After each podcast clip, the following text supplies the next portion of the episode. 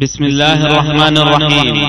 يسر شبكة الألوكة بالتعاون مع المكتبة المركزية للكتب الناطقة. أن تقدم لكم هذه المادة. تفسير سورة المائدة لابن كثير. قال عيسى بن مريم اللهم ربنا أنزل علينا مائدة من السماء تكون لنا عيدا لأولنا وآخرنا. قال السدي أي نتخذ ذلك اليوم الذي نزلت فيه عيدا نعظمه نحن ومن بعدنا. وقال سفيان الثوري يعني يوما نصلي فيه. وقال قتادة أرادوا أن يكون لعاقبهم من بعدهم. وعن سلمان الفارسي عظة لنا ولمن بعدنا. وقيل كافية لأولنا وآخرنا. وآية منك. أي دليلا تنصبه على قدرتك على الأشياء وعلى إجابتك لدعوتي فيصدقوني فيما أبلغه عنك. وارزقنا أي من عندك رزقا هنيئا بلا كلفة ولا تعب. وأنت خير الرازقين قال الله إني منزلها عليكم فمن يكفر بعد منكم. أي فمن كذب بها من أمتك يا عيسى وعاندها فإني أعذبه عذابا لا أعذبه أحدا من العالمين. أي من عالم زمانكم كقوله تعالى ويوم القيامة أدخلوا آل فرعون أشد العذاب. وكقوله إن المنافقين في الدرك الأسفل من النار.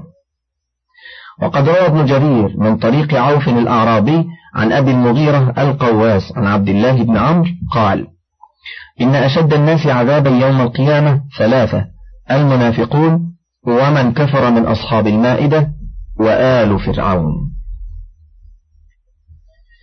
ذكر أخبار رويت عن السلف في نزول المائدة على الحواريين. قال أبو جعفر بن جرير حدثنا القاسم حدثنا الحسين حدثني حجاج عن ليث عن عقيل عن ابن عباس أنه كان يحدث عن عيسى أنه قال لبني إسرائيل هل لكم أن تصوموا لله ثلاثين يوما ثم تسألوه فيعطيكم ما سألتم فإن أجر العامل على من عمل له ففعلوا.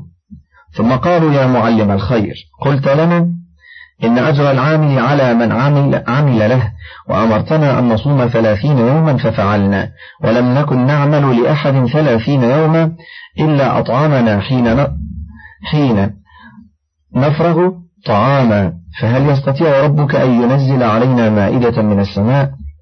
قال عيسى اتقوا الله إن كنتم مؤمنين. قالوا نريد أن نأكل منها وتطمئن قلوبنا ونعلم أن قد صدقتنا ونكون عليها من الشاهدين. قال عيسى بن مريم اللهم ربنا أنزل علينا مائدة من السماء تكون لنا عيدا لأولنا وآخرنا وآية منك وارزقنا وأنت خير الرازقين. قال الله إني منزلها عليكم فمن يكفر بعد منكم فإني أعذبه عذابا لا أعذبه أحدا من العالمين. قال فأقبلت الملائكة تطير بمائدة من السماء عليها سبعة أحوات وسبعة أرغفة حتى وضعتها بين أيديهم فأكل منها آخر الناس كما أكل منها أولهم. كذا رواه ابن جرير. ورواه ابن أبي حاتم عن يونس بن عبد الأعلى عن ابن وهب عن الليث عن عقيل عن ابن شهاب قال كان ابن عباس يحدث فذكر نحوه. وقال ابن أبي حاتم حدثنا سعيد بن عبد الله بن الحكم حدثنا أبو زرعة وهبة الله ابن راشد حدثنا عقيل بن خالد. أن ابن شهاب أخبره عن ابن عباس أن عيسى بن مريم قالوا له ادع الله أن ينزل علينا مائدة من السماء. قال فنزلت الملائكة بالمائدة يحملونها. عليها سبعة أحوات وسبعة أرغفة حتى وضعتها بين أيديهم. فأكل منها آخر الناس كما أكل منها أولهم. وقال ابن أبي حاتم حدثنا أبي حدثنا الحسن بن قزعة الباهلي حدثنا سفيان بن حبيب حدثنا سعيد بن أبي عروبة عن قتادة عن جلاس عن عمار بن ياسر عن النبي صلى الله عليه وسلم قال نزلت المائدة من السماء عليها خبز ولحم وأمروا ألا يخونوا ولا يرفعوا لغد فخانوا وادخروا ورفعوا فمسخوا قردة وخنازير.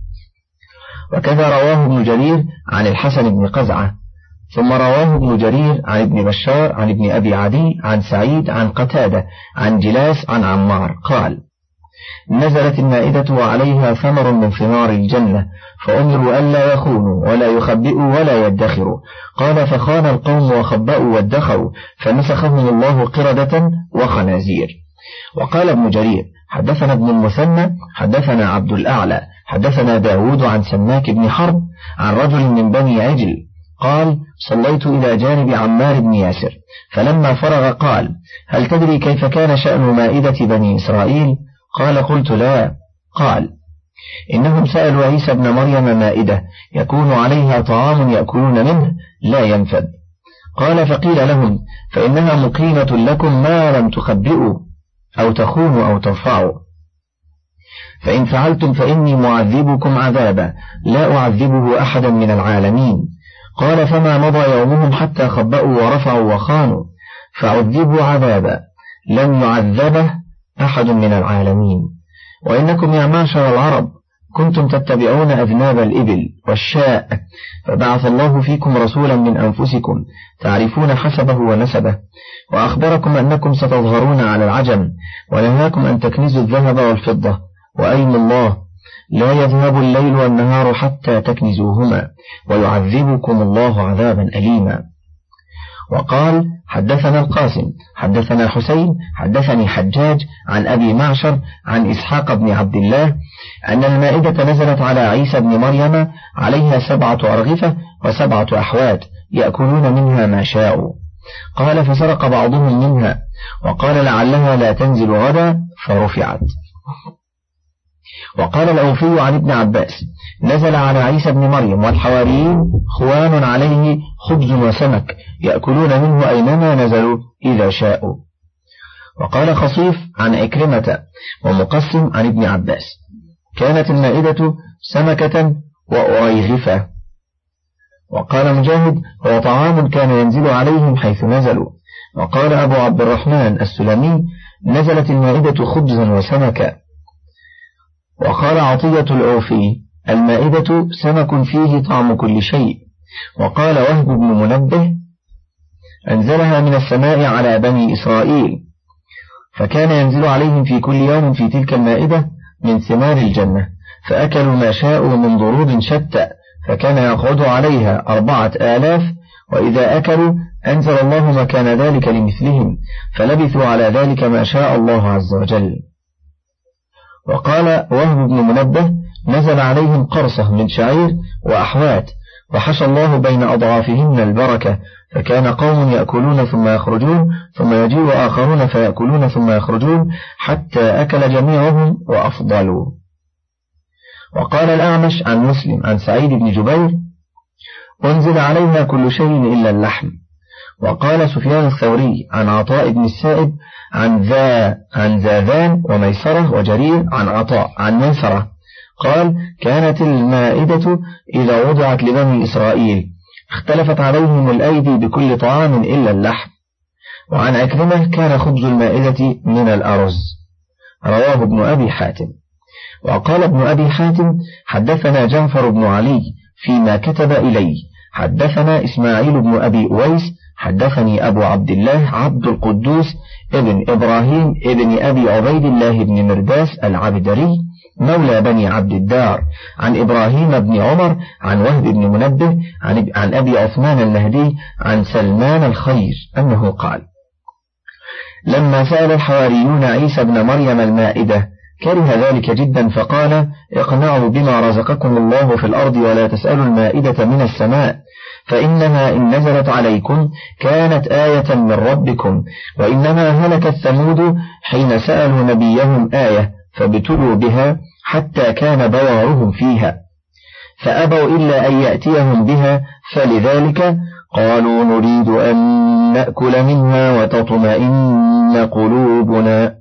الآية فلما رأى عيسى أن قد أبوا إلا أن يدعو لهم قام فألقى عنه الصوف ولبس الشعر الأسود وجبة من شعر وعباءة من شعر ثم توضأ واغتسل ودخل مصلاه فصلى ما شاء الله. فلما قضى صلاته قام قائما مستقبل القبلة وصف قدميه حتى استويا. فألصق الكعب بالكعب وحاذ الأصابع ووضع يده اليمنى على اليسرى فوق صدره وغض بصره وطأطأ رأسه خشوعا. ثم أرسل عينيه بالبكاء فما زالت دموعه تسيل على خديه وتقطر من أطراف لحيته حتى ابتلت الأرض حيال وجهه من خشوعه. فلما رأى ذلك دعا الله فقال اللهم ربنا أنزل علينا مائدة من السماء. فأنزل الله عليهم سفرة حمراء بين غمامتين غمامة فوقها وغمامة تحتها. وهم ينظرون إليها في الهواء منقضة من فلك السماء تهوي إليهم وعيسى يبكي خوفا من أجل الشروط التي أخذها الله عليهم فيها أنه يعذب من يكفر بها منهم بعد نزولها عذابا لم يعذبه أحدا من العالمين وهو يدعو الله في مكانه ويقول اللهم اجعلها رحمة لهم ولا تجعلها عذابا. إلهي كم هي من عجيبة؟ سألتك فأعطيتني. إلهي اجعلنا لك شاكرين. اللهم إني أعوذ بك أن تكون أنزلتها غضبا ورجزا. إلهي اجعلها سلامة وعافية ولا تجعلها فتنة ومثلة. فما زال يدعو حتى استقرت السفرة بين يدي عيسى والحواريين وأصحابه. وهم حوله يجدون رائحة طيبة لم يجدوا فيما مضى رائحة مثلها قط. وخر عيسى والحواريون لله سجدا شكرا له لما رزقهم من حيث لم يحتسبوا. وأراهم فيه آية عظيمة ذات عجب وعبرة. وأقبلت اليهود ينظرون فرأوا أمرا عجيبا أورثهم كمدا وغما. ثم انصرفوا بغيظ شديد. وأقبل عيسى والحواريون وأصحابه حتى جلسوا حول السفرة فإذا عليها منديل مغطى فقال عيسى من أجرأنا على كشف المنديل عن هذه السفرة؟ وأوثقنا بنفسه وأحسننا بلاء عند ربه فليكشف عن هذه الآية حتى نراها. ونحمد ربنا ونذكر باسمه ونأكل من رزقه الذي رزقنا. فقال الحواريون يا روح الله وكلمته أنت أولانا بذلك وأحقنا بالكشف عنها. فقام عيسى عليه السلام واستأنف وضوءا جديدا ثم دخل مصلاه فصلى كذلك ركعات ثم بكى بكاء طويلا ودعا الله أن يأذن له في الكشف عنها ويجعل له ولقومه فيها بركة ورزقا. ثم انصرف وجلس إلى السفرة وتناول المنديل وقال بسم الله خير الرازقين وكشف عن السفرة. فإذا هو عليها بسمكة ضخمة مشوية ليس عليها بواسير وليس في جوفها شوك يسيل السمن منها سيلا. قد تحدق بها بقول من كل صنف. غير الكراث وعند رأسها خل وعند ذنبها ملح وحول البقول خمسة أرغفة على كل واحد منها. زيتون وعلى الآخر تمرات وعلى الآخر خمس رمانات. فقال شمعون رأس الحواريين لعيسى يا روح الله وكلمته أمن طعام الدنيا هذا أم من طعام الجنة؟ فقال عيسى أما آن لكم أن تعتبروا بما ترون من الآيات وتنتهوا عن تنقير المسائل. ما أخوفني عليكم أن تعاقبوا في سبب نزول هذه الآية. فقال له شمعون لا وإله إسرائيل ما أردت بها سؤالا يا ابن الصديقة فقال عيسى عليه السلام ليس شيء مما ترون من طعام الدنيا ولا من طعام الجنة إنما هو شيء ابتدعه الله في الهواء بالقدرة الغالبة القاهرة. فقال له كن فكان فكان أسرع من طرفة عين. فكلوا مما سألتم بسم الله واحمدوا عليه ربكم يمدكم منه ويزدكم فإنه بديع قادر شاكر. فقالوا يا روح الله وكلمته إنا نحب أن يرينا الله آية في هذه الآية. فقال عيسى سبحان الله أما اكتفيتم بما رأيتم من هذه الآية حتى تسألوا فيها آية أخرى؟ ثم أقبل عيسى عليه السلام على السمكة فقال يا سمكة عودي بإذن الله حية كما كنت. فأحياها الله بقدرته فاضطربت وعادت بإذن الله حية طرية تلمض كما يتلمض الأسد تدور عيناها لها بصيص. وعادت عليها بواسيرها ففزع القوم منها وانحاسوا. هامش في النسخة الأميرية وانحازوا. انتهى. فلما رأى عيسى منهم ذلك قال ما لكم تسألون الآية؟ فإذا أراكموها ربكم كرهتموها. ما أخوفني عليكم أن تعاقبوا بما تصنعون. يا سمكة عودي بإذن, بإذن الله كما كنت فعادت بإذن الله مشوية كما كانت في خلقها الأول. فقالوا يا عيسى كن أنت يا روح الله الذي تبدأ بالأكل منها ثم نحن بعد. فقال عيسى معاذ الله من ذلك يبدأ بالأكل من طلبها. فلما رأى الحواريون وأصحابه امتناع عيسى منها خافوا أن يكون نزولها سخطة وفي أكلها مثلة فتحاموها. فلما, فلما رأى ذلك عيسى منهم دعا لها الفقراء والزنا وقال كلوا من رزق ربكم ودعوة نبيكم واحمدوا الله الذي أنزلها لكم فيكون مهنأها لكم وعقوبتها على غيركم. وافتتحوا أكلكم بسم الله واختموه بحمد الله ففعلوا. فأكل منها ألف وثلاثمائة إنسان بين رجل وامرأة يصدرون عنها كل واحد منهم شبعان يتجشأ. ونظر عيسى والحواريون فإذا ما عليها كهيئته إذ نزلت من السماء لم ينقص منها شيء.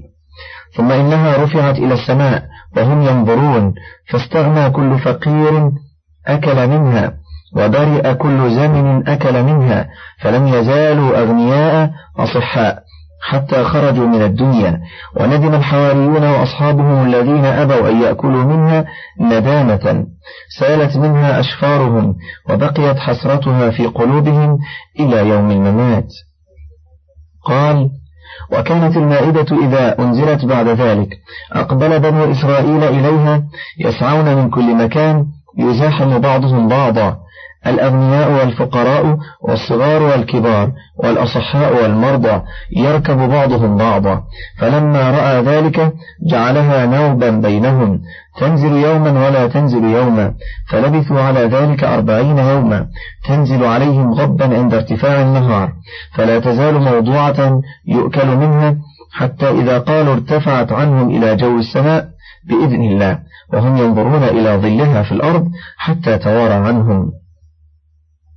فأوحى الله إلى نبيه عيسى عليه السلام أن يجعل رزقي في المائدة للفقراء واليتامى والزنة دون الأغنياء من الناس. فلما فعل ذلك ارتاب بها الأغنياء من الناس وغمطوا ذلك حتى شكوا فيها في أنفسهم وشككوا فيها الناس وأذاعوها في أمرها القبيح والمنكر. وأدرك الشيطان منهم حاجته وقذف وسواسه في قلوب الربانيين حتى قالوا لعيسى أخبرنا عن المائدة ونزولها من السماء أحق؟ فإنه قد ارتاب بها منا بشر كثير. فقال عيسى عليه السلام هلكتم وإله المسيح طلبتم المائدة إلى نبيكم أن يطلبها لكم إلى ربكم فلما أنفعنا وأنزلها عليكم رحمة لكم ورزقا وأراكم فيها الآيات والعبر كذبتم بها وشككتم فيها فأبشروا بالعذاب فإنه نازل بكم إلا أن يرحمكم الله. فأوحى الله إلى عيسى إني آخذ المكذبين بشرطي فإني معذب منهم من كفر بالمائدة بعد نزولها عذابا لا أعذبه أحدا من العالمين. قال فلما أمسى المرتابون بها وأخذوا مضاجعهم في أحسن صورة مع نسائهم آمنين فلما كان في آخر الليل مسخهم الله خنازير فأصبحوا يتبعون الأقذار في الكناسات. هذا أثر غريب جدا قطعه ابن أبي حاتم في مواضع من هذه القصة وقد جمعته أنا ليكون سياقه أتم وأكمل والله سبحانه وتعالى أعلم. وكل هذه الآثار دالة على أن المائدة نزلت على بني إسرائيل أيام عيسى بن مريم إجابة من الله لدعوته كما دل على ذلك ظاهر هذا السياق من القرآن العظيم. قال الله إني منزلها عليكم الآية. وقال قائلون إنها لم تنزل. فروى ليث بن أبي سليم عن مجاهد في قوله أنزل علينا مائدة من السماء. قال هو مثل ضربه الله ولم ينزل شيء. رواه ابن أبي حاتم وابن جرير.